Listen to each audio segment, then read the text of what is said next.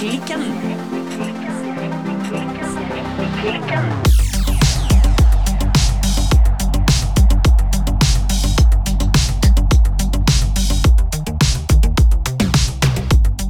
Hallo, Birte. Hei, Silje. Er det flott eh, mjuk radiostemme i dag? Ja, det var så flott å høre på at jeg ble helt flirfull, faktisk. God start. Du, frøken Ja. dingsboms. ja, Hva strikker du i dag? du, denne veka har jeg faktisk nesten ikke strikka. Nei? I det hele tatt. Nei, det her går det. Nei, det Eh, Og det er faktisk ikke disse her eh, superteite armene mine si skyld. Nei? Grunnen denne veka er fordi at det har vært kaos hjemme med meg. Jaha? På grunn av en sånn Det høres ut, høres ut som en veldig sånn lita og koselig oppussing. vi, skulle, vi skulle lage et ekstra toalett. Mhm. Det tenkte nå jeg skulle være fort gjort. Ja, så kan dere bæsje i flere ender av huset. For eksempel. Nei, vi kunne tisse i vårt hus, forresten. Og så skulle vi ta vekk ei pipe. Det var jo Det visste jo vi kunne være en litt sånn større operasjon. Ja. Og det som skjedde der, det var jo det at eh, der jeg og for så vidt min mann tenkte at denne pipa var på en måte Det var selvfølgelig mur rundt i ytterkanten, Ja, for altså, og så med si, at rør imellom, altså i, pipe inni, sant? ja, for dere bor jo i et, en gammel bygård, Ja. så der bygget man jo i, eh, i mur. Ja da, eh, huset vi bor i er jo over 100 år gammelt. Ja. Og så er det da ei stor pipe i midten som har vært i eh, forbindelse med kjøkkenet. Mhm. Denne pipa, den var jo da i massiv Altså, det var Altså, den var cirka mm, sju mursteiner djup oh. gjennom hele, utenom akkurat der piperøra gikk. ja. Og 10-15 mursteiner brei. Ja. Sånn at eh, det var ikke det å liksom bare hakke seg gjennom et lag med murstein, og så var det et hålerom inni der. Nei. Det var liksom bare murstein på murstein på murstein. Så de holdt jo på i to dager å hakke vekk denne pipa, og som et resultat kvitt sånn her murpussstøv over hele forbanna leiligheta og vaskerommet nede i kjelleren, der som denne pipa enda. For der er det også blitt tatt ut noen rør, så der var det åpning, merka vi, Ja. etter dag én. Så ja, Så, eh, nå, det jeg drev på med denne veka. så jeg ser for meg da at du har gått fra at du har hatt et eh, sånt garnlager med mye støvet elg, du har gått til en full en leilighet med bare støvet elg overalt. Bokstavelig talt. Nei, altså det mm, Jeg er jo en tidsoptimist, det må jeg si. Ja. Eh, Så jeg tenkte jo at vi skulle være ferdig nå til helga med oppussinga. Ja. Eh, Og den tidsoptimisten i meg hadde også da egentlig lagt inn en ganske sånn stor buffer, følte jeg. Sånn at Mhm. i alle fall er vi ferdig da. ja. Men eh, nei, nå blir det neste uke. Next week, next week. Eh, Så får vi se. Men i denne her eh, oppussingspodkasten vår, Ja. så har jeg også pusset opp denne uken. Og jeg har også noe nytt å komme med ja. Jeg har da laget meg et ordentlig hjemmekontor. Skjønt det skal omdøpes. Det skal ikke hete hjemmekontoret mitt, det skal Nei. hete skrivestua mi. Ja, det høres litt kjekkere ut. Ja, det gjør det.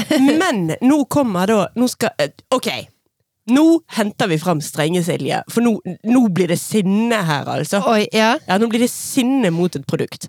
Men det, det kommer ofte litt sånn sinne og opp, oppgitthet eh, når en driver og pusser opp, føler jeg. Ja. Det er de som pusser opp med glede. Det de om det, altså. Ja. Nei, altså, jeg skulle da um, bare egentlig liksom Dette er det gamle rommet til datteren min. Ja. Der har det vært sånn 70-tallsstrie, og for sikkerhets skyld litt sånn lappet på 70-tallsstrie.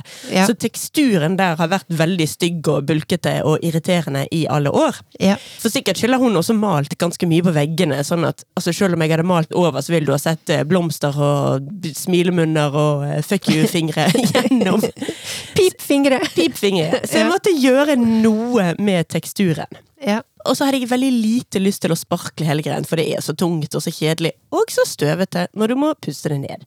Ja. Men så viste det seg at Jotun hadde jo et helt nytt produkt. Jotun Revive. Du kan bare kline det rett på veggen.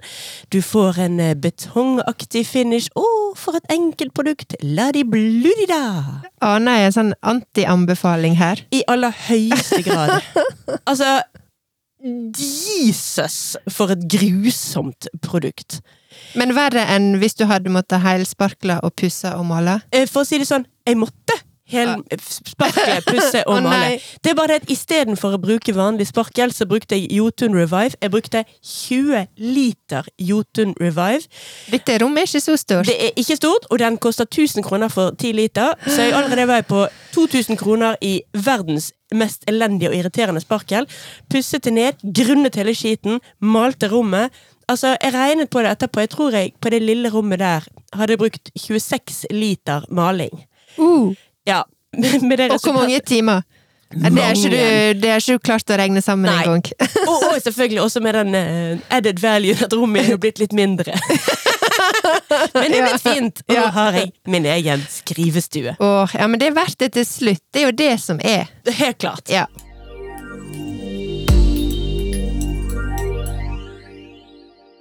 Men jeg kan fortelle litt mer om, om Ingen dikkedarer, da. Det er jo den jeg strikka. Ja, I jo- støvet elg. Ja, vi Ja. må jo tross alt hute oss tilbake igjen på den smale sti og snakke litt om strikking, og ikke bare Ja. oppussing. Vi må tilbake på strikkestien, men altså, livet skjer, og denne veka var det, var det andre ting som, eh, som kom opp på prioriteringslista. Ja, Frivillig eller ufrivillig? ja, du trenger en ny do, og jeg trenger en skrivestue. ja. Um, jeg er ikke kommet til Bolen ennå, men jeg nærmer meg, og jeg husker jeg tenkte forrige uke ok, nå skal jeg gjøre en liten innsats. Eh, altså Det var før jeg ble obs på den her oppussingsproblematikken, eller støvproblematikken. Ja. Nå tenkte jeg nå skal jeg gjøre en liten innsats, sånn at jeg til neste episode har kommet til Bolen, og liksom kan si 'yes, nå er jeg på Bolen', brum brum, motorvei, nå kjører vi på'. um, men jeg er faktisk ikke kommet så langt ennå. Men jeg er kommet dit at eh, For at på ingen dikkedarer, når du strikker i størrelse extra large oppover Ja. Og jeg strikker jo denne i extra large. Ja. Den forrige som jeg strikka, som jeg faktisk har på meg her i dag, den Ja. strikka jeg i dobbel XL. Uh. Men jeg hadde lyst til å ha den litt mindre, denne her er nummer to som jeg strikka nå. Ja, jeg føler jeg må bare skyte inn et par ting her for ja. uh, nye lyttere. Ja. Altså, Birte har hatt et pågående epos om sin, uh, sin uh, Ingen dekkedarer fra Petit Nytt i fargen støvet elg. Den har vært eh, under produksjon i snart et år. Ja, i hvert fall på Ikke under produksjon, men altså, jeg kjøpte garnet for over et år siden. Mm. Ja. Den har vært på strikkelisten, ja. ja, ja, og veldig produksjon. konkret på lista. Mm, Ja, mm. lenge. Det er helt rett. Og så føler jeg også at vi må si noe om at jeg sitter jo rett foran deg her, og du er jo i din kroppsfasong på ingen måte verken XXL eller XL i størrelse. Syns ikke det? Nei, det er bare det at du er usedvanlig glad i store klær, og du strikker stramt. Så komboen av det gjør at eh, XXL og XL faktisk kler deg og passer deg likevel. Men jeg, jeg har gått opp eh, en halv pinnestørrelse på denne versjonen som jeg jobber med nå, Mhm. og det var jo Mens jeg har gått ned i størrelse, så det kan jo hende at summa summarum så ender jeg opp eh, ganske likt eh, der jeg var. Ja. Men det jeg ville fram til, det var at eh, når du strikker dine ingen dikkedarer i extra large, så skal du legge til noen tilleggsrunder etter du har gjort dine, disse vanlige raglan-aukene. Å ja, Eh, jeg husker fordi ikke det. at eh, på siste omgangene Nei, for det er fordi at du strikker medium eller small eller noe sånt. Ja. Så da er er ikke det i oppskrifta. Men når du strikker ekstra large oppover, så skal du auke kun på ene sida. Jeg tror det er sju omganger nå på, på den størrelsen som jeg strikker. Eh, og jeg kan vise deg litt her. Ja. Nå viser da Birte meg hva som foregår under eh, ermet på den ingen dikkedarer hun har på seg. Nei, dette er god radio! Men hvis du ser her, da, så ser du at Ragland Auken på et eller annet tidspunkt går over i en en litt annen sånn sving inn Ja. mot underarma. Ja, da skrår ikke raglankanten nedover lenger. Da på en måte svinger han rett utover mot, eh, mot ermet. Ja, og det er fordi at du øker da eh, raglanmaska kun på ene sida. Og det er jo for å få liksom den vidda som du ønsker å ha i de størrelsene, da. Ja, uten at det skal bli en full-on flaggermusgenser, sånn at du skal ikke bruke ekstra mange runder på å komme deg så vidt. Nei, det stemmer. Så dette syns jo jeg eh, var en litt sånn eh, snedig detalj når jeg strikka første gang. Og det er ikke nødvendigvis noe som eh, er vanlig å støte på på sånne raglanmasker. Men i hvert fall, jeg vet ikke om jeg skal love meg totalt vekk, men jeg har virkelig, virkelig en intensjon om at neste veke, da skal jeg sitte her, og så skal jeg si brum, brum, motorvei, nå er jeg på Bolen, yeah!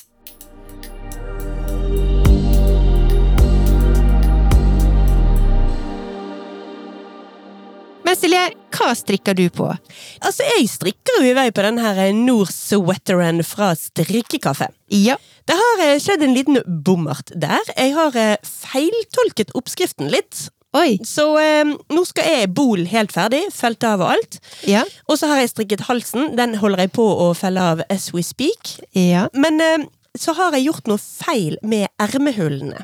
Ja. Så der må jeg rett og slett eh, hente fram eh, symaskinen min og sy litt oppe og klippe opp litt oppover før jeg begynner å feste ermer. Ja, nå merker jeg du må nesten eh, utdype litt. Hva, hva skjedde? Nei, altså den har ganske spesiell skulderkonstruksjon, i hvert fall for meg, denne nordgenseren. Ja, Og jeg forsto ikke helt hvor tid man skulle begynne å, eh, å åpne opp i ermehullet. Så jeg har Ja. gjort det for seint, så mine ermehull er kommet for langt ned på bolen.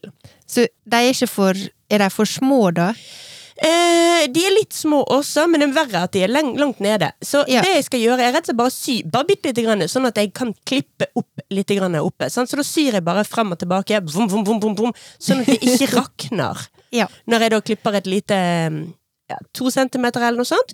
Og så henter jeg jo opp masker der, så dette kommer uansett som en kant på innsiden av plagget. Ja.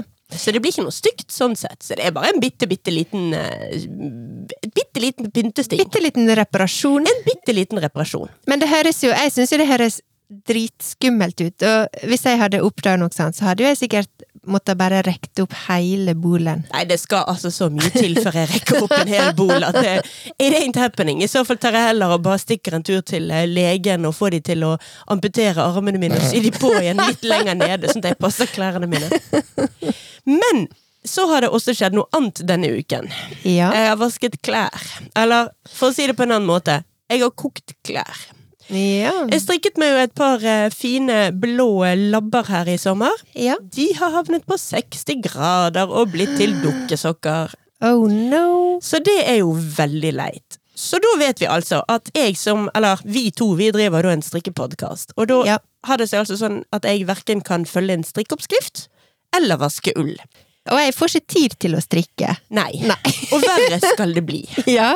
Oi. For det viser seg altså at jeg ikke engang kan snakke. Og det er jo et dårlig utgangspunkt for en podkast. ok? Nå, nå må du forklare. Altså, antall ganger vi har sagt ordet chartreuse, er, det er mange ganger. Ja. Det uttales ikke chartreuse.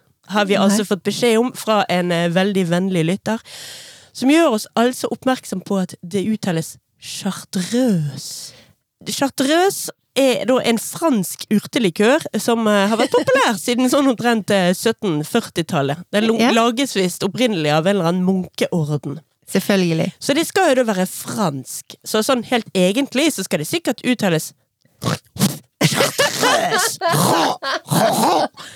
Men siden det blir litt eh, overdrevet, så tenkte jeg at for heretter så eh, skal vi helt klart si chartreuse. Chartreuse. Men jeg har også et annet forslag. Ja.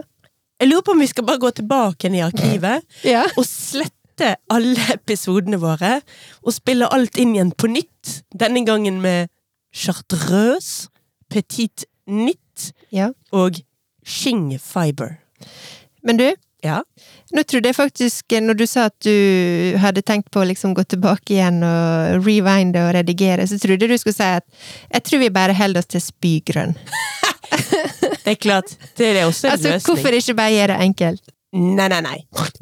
Chartreuse it is. Ah, oui, oui. Monsieur. Uh, det høres nesten ut som Poirot.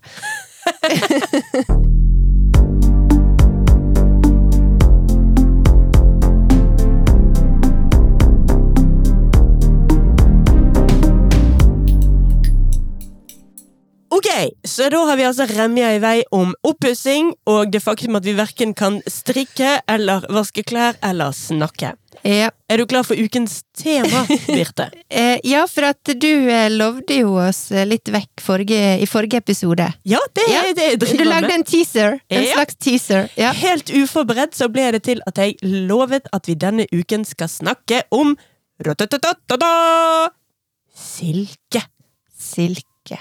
Bakgrunnen for dette Ja. det er at jeg skulle jo kjøpe meg garn til denne her Nore Sweateren fra Strikkekaffe. Ja. Og den strikker jeg da i en tråd finull fra Rauma, og en tråd silkemohair fra Knitting for Olive. Ja. Hos denne her eh, lokale garnpusheren min. Det var de som begynte å snakke om denne her egne silkemohairen fra Knitting for Olive, da. Ja. Som hun sa, den er litt dyrere, men det er fordi de ikke dreper silkeormene under produksjon. Dette er en mer etisk silkemohair. Ja. Og jeg sto der og bare sa Hæ? Hva? Finnes det? Og er det the fun fact? Dreper man silkeormene? og så begynte jeg å lure på det. Hva kan jeg egentlig om silke? Ja. Og da var jo selvfølgelig nysgjerrigpetrinen i meg vekket. Ja. Så i dag skal vi rett og slett dykke, ta et eh, overfladisk dypdykk, eller kanskje mer en slags eh, plaskedamming, ja. i temaet silke. Vi skal vandre litt eh, langs Silkeveien. Å, oh, det var vakkert! Ja. Dette var poetisk. Ja. Altså, la oss begynne med begynnelsen. Ja. Silke er jo et naturlig fiber som brukes til fremstilling av tekstiler. For oss strikkere så snakker vi jo gjerne om silkegarn, og det vanligste vi bruker er jo da silkemohair. sant? At du Ja. blander litt, eller det kan være silke-kasjmir-blandinger. Det kan være forskjellige blandinger. Ja, for at da, da gikk du rett på det her med at det er ganske vanlig å blande silke med andre garntyper. Ja, når vi Ja. snakker om garn. Ja, når vi snakker om garn. Altså Når man snakker om rene tekstiler, så det jo, finnes det jo masse rene silkeklær. Jeg mener, Ja. Bare se på hva kongen og dronningen har på seg. Det er ofte ren silke, kanskje mer dronningen enn kongen. I don't know. Men altså, silke er jo selvfølgelig et tekstil, men ja, for oss strikkere er det ofte blandet. Ja. Silken den fremstilles av kokongtrådene fra en, en sommerfuglaktig sak som heter silkespinneren. Eller andre spinnere eller sommerfugler.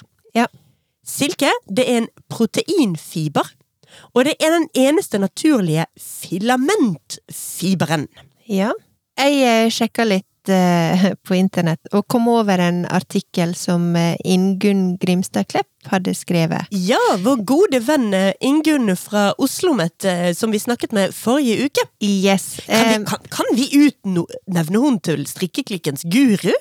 Ja, jeg tror det. Altså, når vi gjør research, så er jo det ikke til å stikke under en stol at vi ender ofte opp med å lese artikler som hun har produsert. Ja, det er veldig sant. Så ja, en virtuell skål for Ingunn Grimstad Klepp her. Absolutt. Det er jo en sånn silkelarve Ja. som vi snakker om eh, til å begynne med her. Og det som vi gjerne kaller silke, det er jo det som heter morbærsilke. Ja. Og produksjonen av morbærsilke, det starta jo med å fòre denne her silkelarven med morbærblad. Ja. Og den lille larven Lille larven Den aldri mett. Ja, den lille larven. Han eh, kommer ut av egget og er rundt to millimeter lang. Mm, en bitte liten tass. En bitte liten tass. Etter en måned, en måned så er larven ca. sju centimeter, Mm. og da starter den å spinne silke. Ja, og da lager han altså denne kokongen rundt seg. Altså, dette er virkelig lille larven aldri mett. Ja, det er det. For at denne larven, den da, altså den blir da plassert i ei sånn spinnehytte, Mm. og der spinner larven dobbel silketråd, mens den beveger hodet i et åttetall. Ja. Sånn at det blir danna et slags sånn hylster rundt. Og det er, som du sa, det er denne her, det vi kaller kokong. Mm. Og i det fri, hvis det ikke noen ting skjer her, så vil den da etter hvert gnage seg ut av kokongen og komme ut som en eh, fullverdig sommerfugl. Eller altså en spinner, det er litt forskjellig. Jeg vet ikke helt om de heter sommerfugl, men da er iallfall et vingebekledd lite dyr.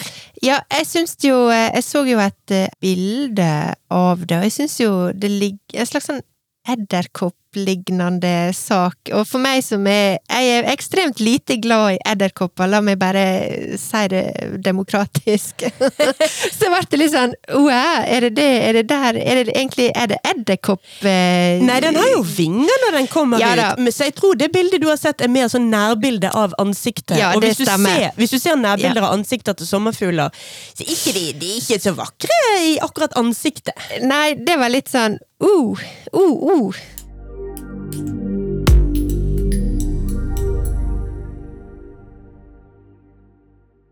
I hver av disse her kokongene ja. så kan det altså være opptil 4000 meter fiber. Ja. Men det er altså bare da midtpartiet, som er sånn rundt 500 1200 meter, som gir en sånn sammenhengende fiber, og dette her kalles råsilke. Ja det går an å bruke mer av disse her eh, fibrene, altså denne klumpen, kokongen. Ja. Eh, men det, den får mye dårligere kvalitet, men det kan brukes til silke, flis og litt andre produkter. Ja. Men altså liksom, denne her, den ekte gode råsilken kommer bare fra midtpartiet i kokongen. Altså egenskapene til silke, for silke har jo litt sånn spesielle egenskaper. Mm. Det har en ekstremt fin glans. Ja. Og det er utrolig smidig. Og altså, det er elastisk. Ikke like elastisk som en del andre produkter, men det er elastisk. Både når den er våt og tørr. Fibrene de tåler svake syrer, men de er ikke så gode på alkalier. Nei. Det vil si at de blant annet misfarges hvis du søler klorin på dem. Det må du ikke gjøre. Og de kan bleikes i sollys. Så silke Nå snakker jeg mest om silketekstiler, da. Ikke så mye liksom silkegarn. Ja. De kan få stygge flekker både av deodorant og parfyme og svette, og ikke minst av oljer. Det kan være litt sånn vanskelig å få vekk en stygg oljeflekk på ja. silkeklærne dine. Så moralen er ikke steik hamburgere i gallakjolen din. Nei, det er derfor en ikke skal gjøre det. Ja, det er rett og slett det. Nå skjønte jeg det. Nei, men det som slo meg når, eh, når jeg eh, sjekka litt nærere om eh, silke til denne episode her, mm -hmm. det mhm. er jo det at det ble Jeg veit ikke hvorfor jeg ikke har tenkt på det på den måten før, men det ble veldig tydelig for meg at dette er jo dyr. Ja. Og det blir jo produsert ganske mye silke i løpet av et år. Tidligere var jo det Kina som var liksom den store silke produsenten. Men nå er også India blitt en veldig stor eh, produsent av eh, silke. Altså, dyrket silke det kan kun produseres der hvor dette her morbærtreet gror. Mm. Så som du sier, Kina har eh, vært, og er fremdeles, den største produsenten. Men det har også vært produsert som du sier, i India, det har vært produsert i Japan, Russland, Brasil, Thailand, Korea, Frankrike til og med, faktisk, og mm. Tyrkia. Mm. Altså, Silkeormen sitt hjemland det er opprinnelig Kina, og mm. arkeologiske funn det viser at man faktisk begynte å spinne silketråd i Kina allerede for 3000-4000 år siden. Ja. Altså, silke har en fantastisk spennende forhistorie. Mm. For eh, silke det var jo da i oldtiden den mest verdifulle eksportvaren. Mm. Og Kina det var eh, i mange århundrer verdens eneste leverandør av silke. Det var faktisk dødsstraff for å utføre denne her eh, lille silkespinneren. Eller eh, altså selve spinneren, eller eggene, eller larvene. På noe som helst stadie var det dødsstraff å eksportere det fra Kina. Oi. Mens i år 1550 så var det to munker som altså smuglet ut levende egg og brakte de til Justitians sitt hoff i eh, Konstantinopel. Ja. Altså dagens Istanbul. Why am I not surprised? Ja, altså, Munker gjorde mye kult, men altså, det er jo også ganske spesielt at vi snakker om silke som altså ble spunnet i Kina i 3000-5000 år, og altså først i år 550 så var det noen som klarte å smugle ut litt til dette her, og få det til Konstantinopel. Nå skal jeg ikke digresse som bare det, men jeg elsker navnet Konstant i Opel. Konstantinopel. Men ok.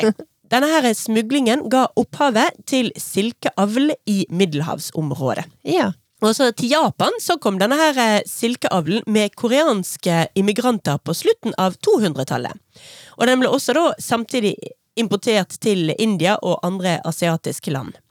Men altså, sammenlignet med Kina og Japan, så var silkeavlen i eh, resten av Asia mye, mye mindre. Dette er en kinesisk greie.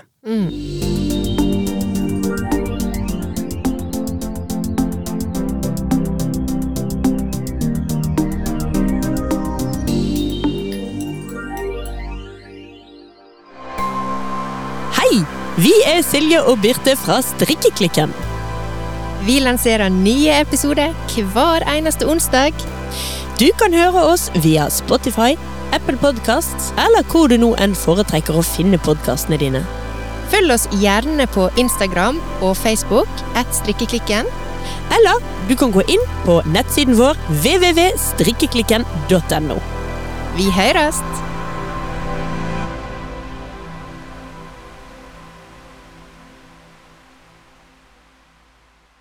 Men altså, når vi først snakker om silkens historie, Ja. så er det jo et ord vi ikke kan unngå å nevne. Da snakker jeg altså om Silkeveien. Ja. Og det gir meg sånne mytiske assosiasjoner. Man ser for seg disse karavanene. Man er på eh, i Djengis Khan-land. Man skal gå og komme seg over steppene i Kirgisistan og Tadsjikistan og alle stanland. Og her skal det være eksotiske karavaner som eh, fører varer fra Østen til Europa. Ja, altså Silkeveien er jo et av de ordene som utløser helt sånn eventyrlige bilder og assosiasjoner. Det er litt sånn som Orientekspressen. Ja. Det høres jo det, det er et eller annet Ja, det er et eller annet sånn ekstremt eh, forlokkende med det, og det, det skaper Ja, det skaper helt spesielle bilder og, og tanker når du hører disse ordene. Men hva, er egentlig Silkeveien, eh, Sil, Silje? Silkesilje! I dag er du Silkesilje. Ja, vi har kastet ut eh, Sure-Silje og hentet inn Silke-Silje. Nei, altså, Silkeveien det var en sånn flergreinet historisk karavanevei mellom Europa og Kina. Så det var ikke som om det var én vei, altså. Det burde hett Silkeveiene. ja. Dette her var altså en handelsvei, eller handelsåre, som eh, førte med seg mange varer. Men silke var en av de største og viktigste eksportvarene. Og den gikk altså fra Kina til Europa. Det var ikke, silken gikk ikke begge veier. Det Nei. var en enveishandel. ja. Veiene de gikk fra Middelhavet og Svartehavet, henholdsvis sør og nord for Kaspiske hav. Karavanene de møttes mellom Bukhara og Tatsjenk, for så å spre seg mellom ulike ruter gjennom resten av eh, Sentral-Asia.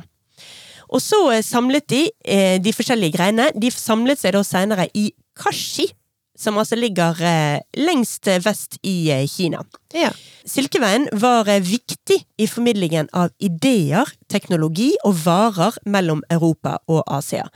På dette tidspunktet var jo Kina kommet veldig mye lenger enn deler av Europa, så det var veldig viktig på mange måter. Det var ikke bare en handelsvei. Det var Nei. også utveksling av ideer og kunst og ja, masse forskjellige Ja, det førte varer. med seg jeg teknologi og kunnskap og diverse ting. Ja. Silkeveien strakte seg 6000 kilometer, så det er jo det er ikke noe kødd, dette her. Nei, det høres ut som en liten sånn eh, stabbe, holdt på å si, stubbe, veistubbe, men eh, nei da. Nei da, altså, glem, altså her i Norge er vi veldig stolt av den trondhjemske postvei, men uh, Silkeveien er Ja. the mother of all uh, veier. Ja. Den var liksom i bits and pieces, denne veien. Det var ikke én vei med ett startsted og ett stoppsted. Det var selvfølgelig flere avstikkere, og som sagt, det var ikke, det var ikke én sti, og det var det. Nei. De sentralasiatiske seksjonene av disse her handelsrutene, de ble utviklet sånn omtrent 100 år før, um, før Kristus av da Han-dynastiet i Kina. Ja. Og nå skal jeg være litt grann lat og rett og slett lese opp litt grann fra eh, Wikipedia. Ja.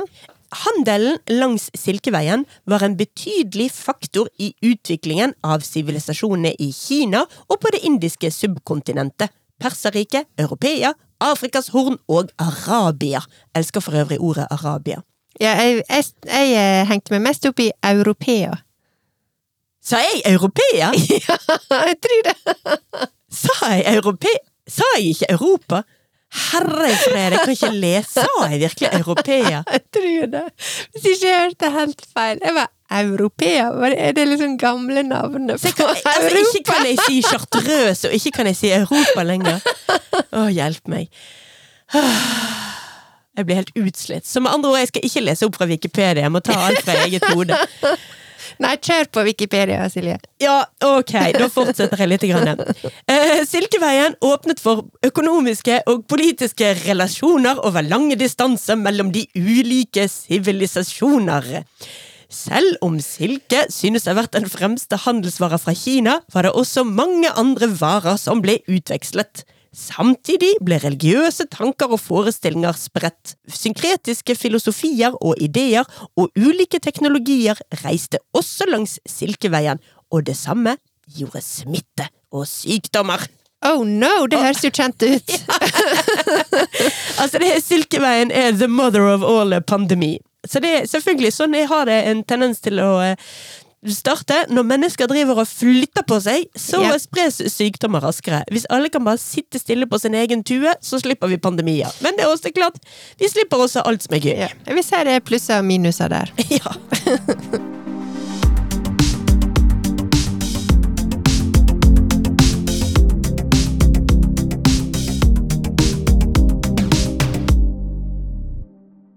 Men eh, Silke, Silje, ja. det er veldig, veldig mye en kunne sagt, og som en kanskje burde ha sagt, eh, om silke. Ja. Men eh, la oss bare hoppe litt eh, kjapt fra Silkeveien til denne gata som heter Garn og silke, Silkegata, eller Ja. noe sånt. Fra historietime til ren materialitet. Yes. For vi må jo snakke om selve materialet silke, Ja. og for vårt bruk mer kanskje silkegarn, eller eventuelt garn med en viss silkeprosent i seg. Ja, altså, der er jo eh, veldig mye garn med silke, og det brukes jo ofte for å forsterke garnet. Ja. Sånn som for eksempel eh, mohair og alpakka. Det er ganske mjukt og litt sånn eh, fluffy Ja, og- i, eh, i eh, materialiteten. Ja, i fibrene. I de, fibrene. de har ikke sterke, sammenhengende, lange fibre, og Nei. det har silken, Ja. eller råsilken, da.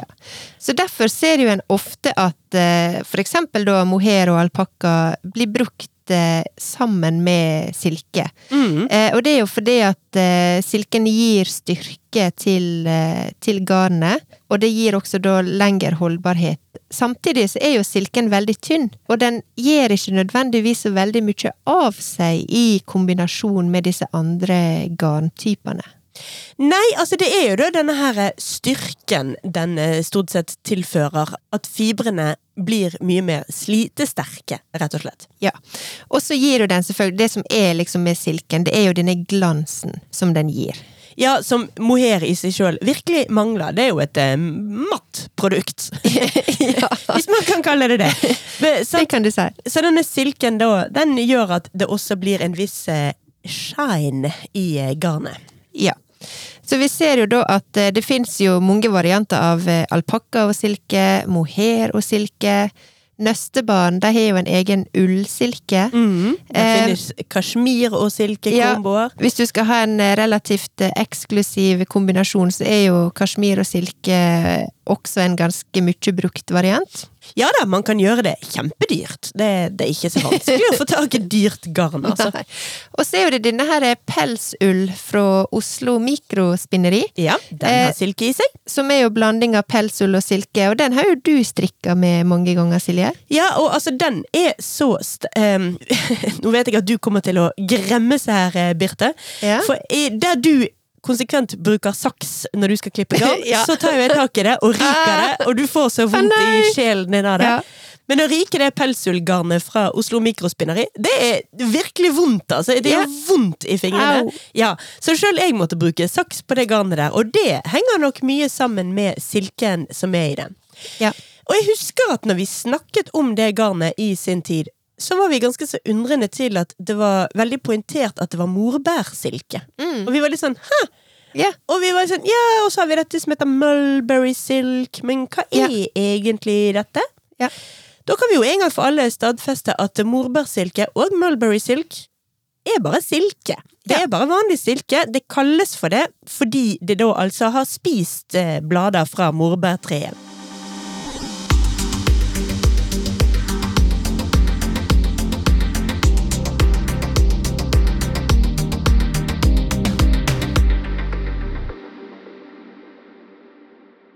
Tillegg så finnes det jo da også garn som er i 100% silke. Det gjør det. Og det passer jo ikke helt til eh, årstida vi er i nå. For det er klart at det som også er med silken, altså det er et sterkt materiale, det er fin glans i seg, men det er jo også et veldig svalende materiale. Ja, jeg strikket meg jo en eh, T-skjorte her i sommer i eh, garn fra Millas Mikrofargeri. Ja. Og det garnet var i 50% silke og 50% ull.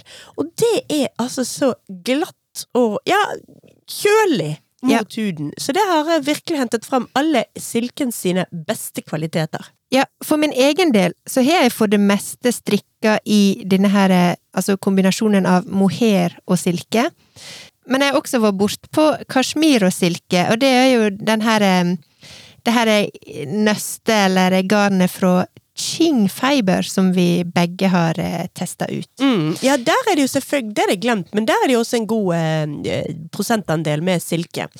Det er det. Men det som eh, jeg liker, eller der jeg har brukt mest silke, og nå snakker ikke jeg om strikkesilke eller garnsilke, men silkeskjorte om sommeren. Mm. Det er jo det beste å bruke når du bikker 30 grader. Og det gjør jo det faktisk ganske ofte om sommeren nå for tida. Altså, det er behagelig å gå med, men Ja. det har jo en stor minus. I hvert fall på mine silkeklær, da. Ja. Jeg, jeg har ingen lyse silkeklær, fordi de blir jo litt gjennomsiktige.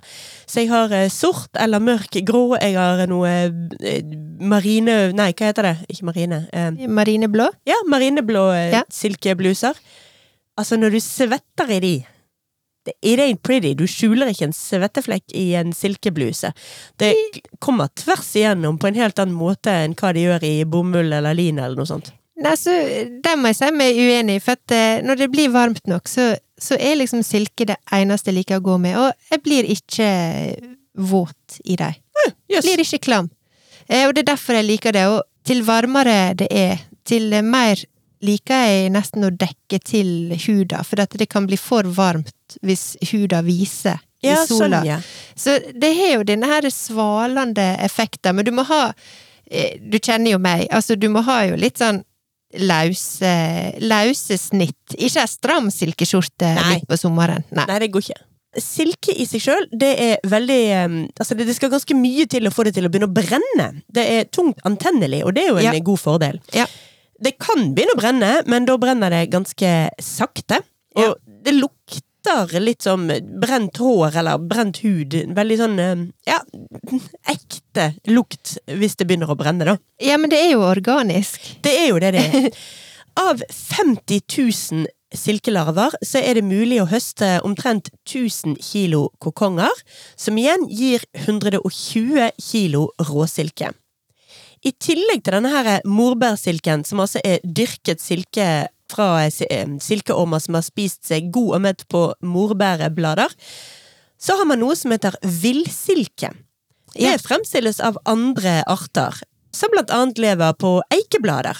Og ut av disse her villsilkene, så har vi da denne her tussasilken, Ja. som er den vanligste villsilken.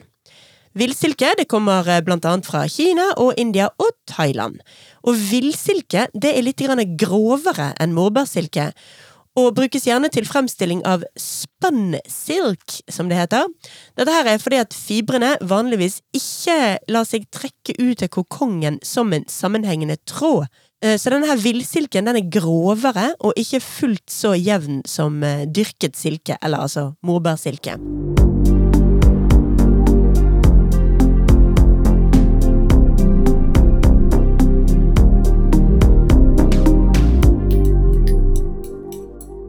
Men det slår meg også, når vi snakker om silke, det blir jo produsert veldig mye silke. Og Silkeveien og kongkonga og spinning Det høres jo veldig sånn Du ser jo for deg noen sånne koselige små hytter der disse larvene ligger og koser seg. Men det er jo dessverre litt mer brutalt enn det. Og silke, det er jo ikke Vi kan jo ikke akkurat kalle det vegan, og heller ikke alltid cruelty free. Nei, det kan man ikke. Altså, silke kommer fra et eh, dyr, eller et, i hvert fall et insekt, Ja. og er ikke vegan. Nei. Det finnes jo noen som prøver å gjøre dette her litt mer eh, ja, etisk og bærekraftig. Ja, for det var jo det vi starta med, strengt tatt. Ja, vi Eh, startet jo med denne historien om at jeg var hos garnpusheren min og fikk vite at eh, Knitting for Olive sin eh, silkemohair altså var mer dyrevennlig enn vanlig eh, silkemohair. Ja.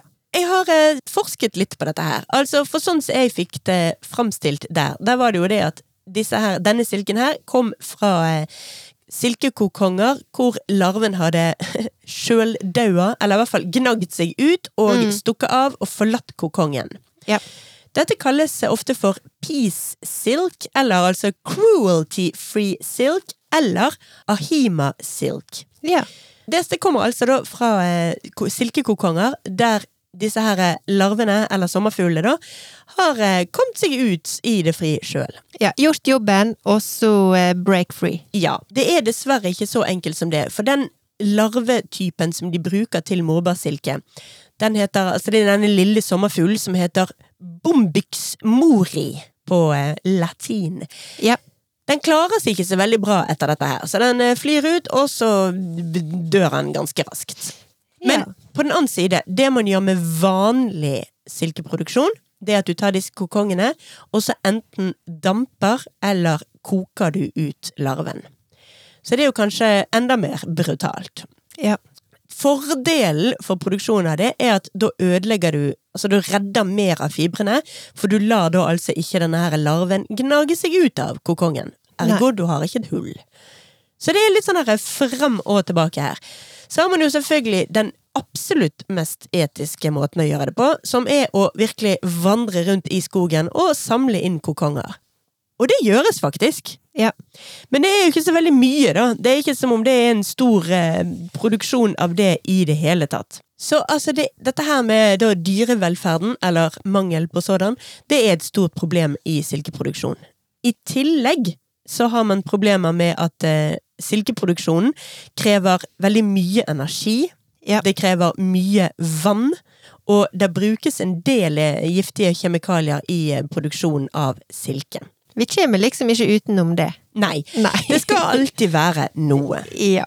Men der finnes det jo noen standarder eller sertifiseringer eh, som gjør at eh, Som skal hjelpe oss å, å velge bedre. Ja. Eller bli bedre forbrukere, kan du vel si. Ja. Og det er noe som heter Global Organic Textile Standard. Mm. Ofte bare forkorta til GOTS, eller GOTS. Yep. Og det er altså verdens ledende standard for tekstiler som er laga av naturmateriale. Ja, naturfiber og alt det vi snakket om forrige uke også. Ja. Så en bra plass eh, å begynne er i hvert fall å se etter denne her godssertifiseringa, eller GOTS-merket, for da veit du i hvert fall at eh, du er på rett vei.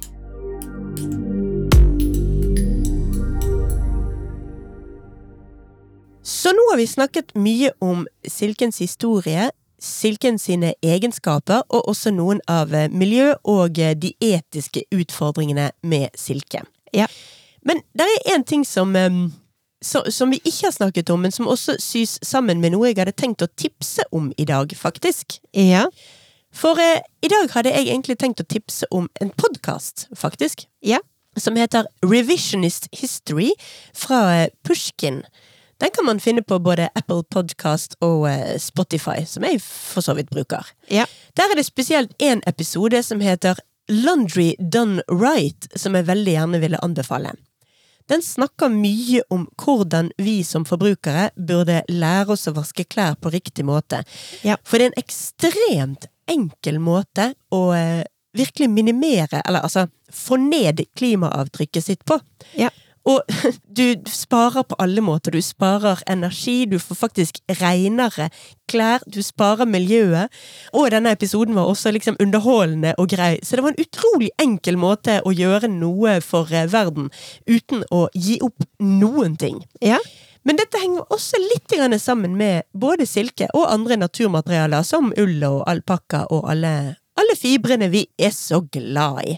Ja. For vanligvis, minus når jeg da er tjukk i hodet og koker eh, ullabbene mine, så vasker vi jo naturfibre som eh, ull og silke på mye lavere temperaturer. Ja. Og det er altså gull verdt for både miljøet og lommeboka. Så her er det jo et miljøaspekt som faktisk trekker silken oppover.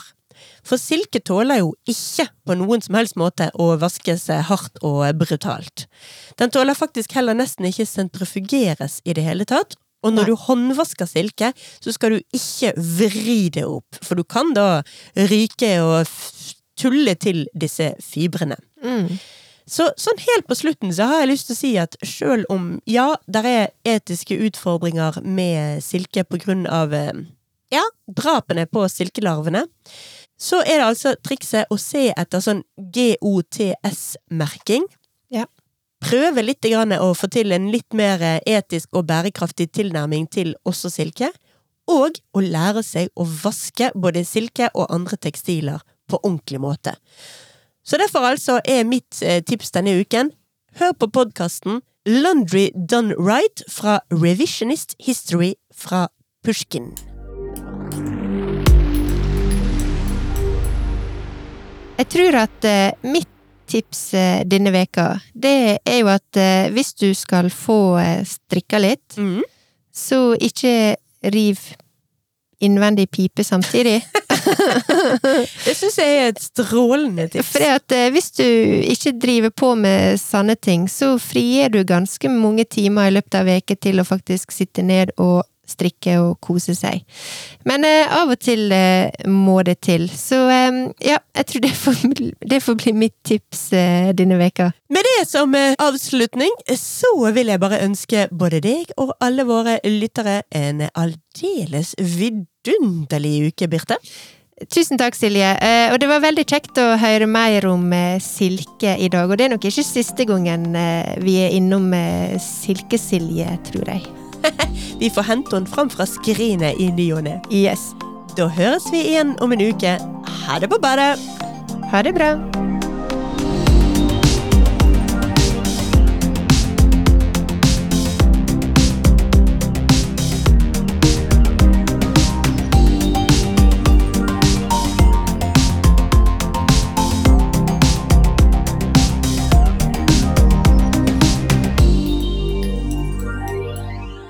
Talk about silk, baby. Let's talk about you and me. Let's talk about all the good things, all the bad things that may be. Let's talk about silk. Let's talk.